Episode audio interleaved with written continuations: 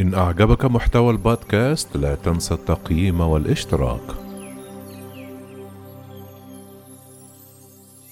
لقاء تاريخي بين البابا فرانسيس والمرجع الشيعي الأعلى علي السيستاني في النجف.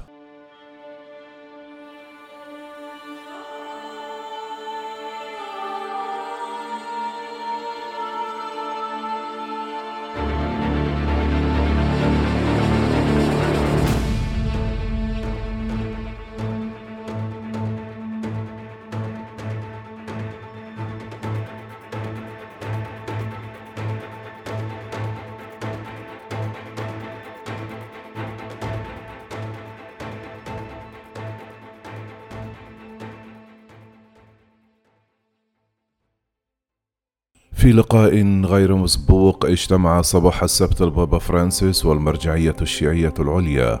آية الله العظمى علي السيستاني في مدينة النجف في أحد أهم اللقاءات التي يعقدها الحبر الأعظم أثناء زيارته التاريخية إلى العراق.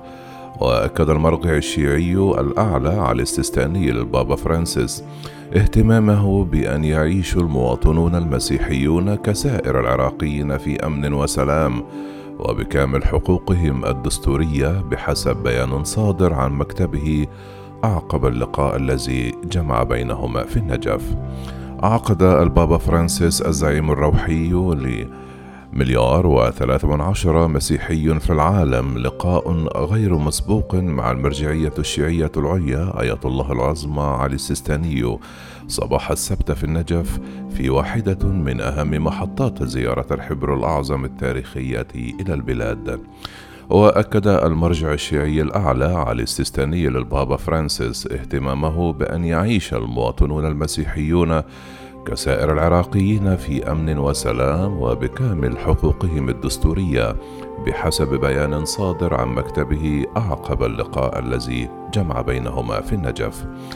وبعد لقاء البابا زعماء الطوائف الكاثوليكية الجمعة في بغداد يمد اليد إلى المسلمين الشيعة بزيارته السيستاني البالغ من العمر تسعون عاما والذي لا يظهر في العلن أبدا في منزله المتواضع في مدينة النجف على بعد 200 كيلومترا إلى جنوب بغداد. يأتي هذا اللقاء بعد عامين من توقيع البابا فرانسيس وثيقة الأخوة الإنسانية مع إمام الأزهر إحدى أبرز المؤسسات التابعة للمسلمين السنة ومقرها مصر ويشكل السنة تسعون بالمائة من مسلمي العالم بينما يشكل الشيعة عشرة بالمائة يتركز معظمهم في العراق وإيران ويشكل اللقاء مصدر فخر للعديد من الشيعة في بلد يعيش منذ أربعون عاما من أزمات ونزاعات من ضمنها حرب أهلية دامية بين المسلمين السنة والشيعة. ورفعت في بعض شوارع النجف لوحات عليها صورة البابا فرانسيس وآية الله السيستاني مع عبارة بالإنجليزية اللقاء التاريخي. ويقول رجال الدين الشيعي محمد علي بحر العلوم لوكالة الأنباء الفرنسية أن هذه الزيارة تشكل مصدر اعتزاز مضيفا نثمن هذه الزيارة التي بلا شك سوف تعطي بعدا آخر للنجف الأشرف. في مطار بغداد الدولي الذي نزل به الحبر الأعظم الجمعة رفعت لافتة كبرى فيه دعوة إلى التعايش والحوار بين الأديان. تتضمن اقتباسا من أحد أقوال الإمام علي الشهيرة فإنهم صفنان إما أخ لك في الدين أو نظير لك في الخلق. ويعد السيستاني أعلى مرجعية بالنسبة لغالبية الشيعة البالغ عددهم 200 مليون في العالم والذين يعدون أقلية من أصل مليار فاصل ثمانية مسلم بالإجمال.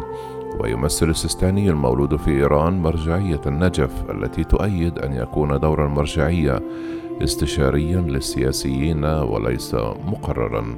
مقابل مرجعية قم في إيران التي تؤكد أن لرجال الدين دورا في إعطاء توجيهات سياسية على غرار المرشد الأعلى للجمهورية الإسلامية الإيرانية علي خامئني. ويرى الكاردينال الأسباني ميغيل أنخيل إيسو الذي يرأس المجلس البابوي للحوار بين الأديان أن مدرسة النجف الفقهية أكثر علمانية من مدرسة قم التي لها اتجاها أكثر تدينا مضيفا إلى أن النجف تعطي أهمية أكبر للبعد الاجتماعي.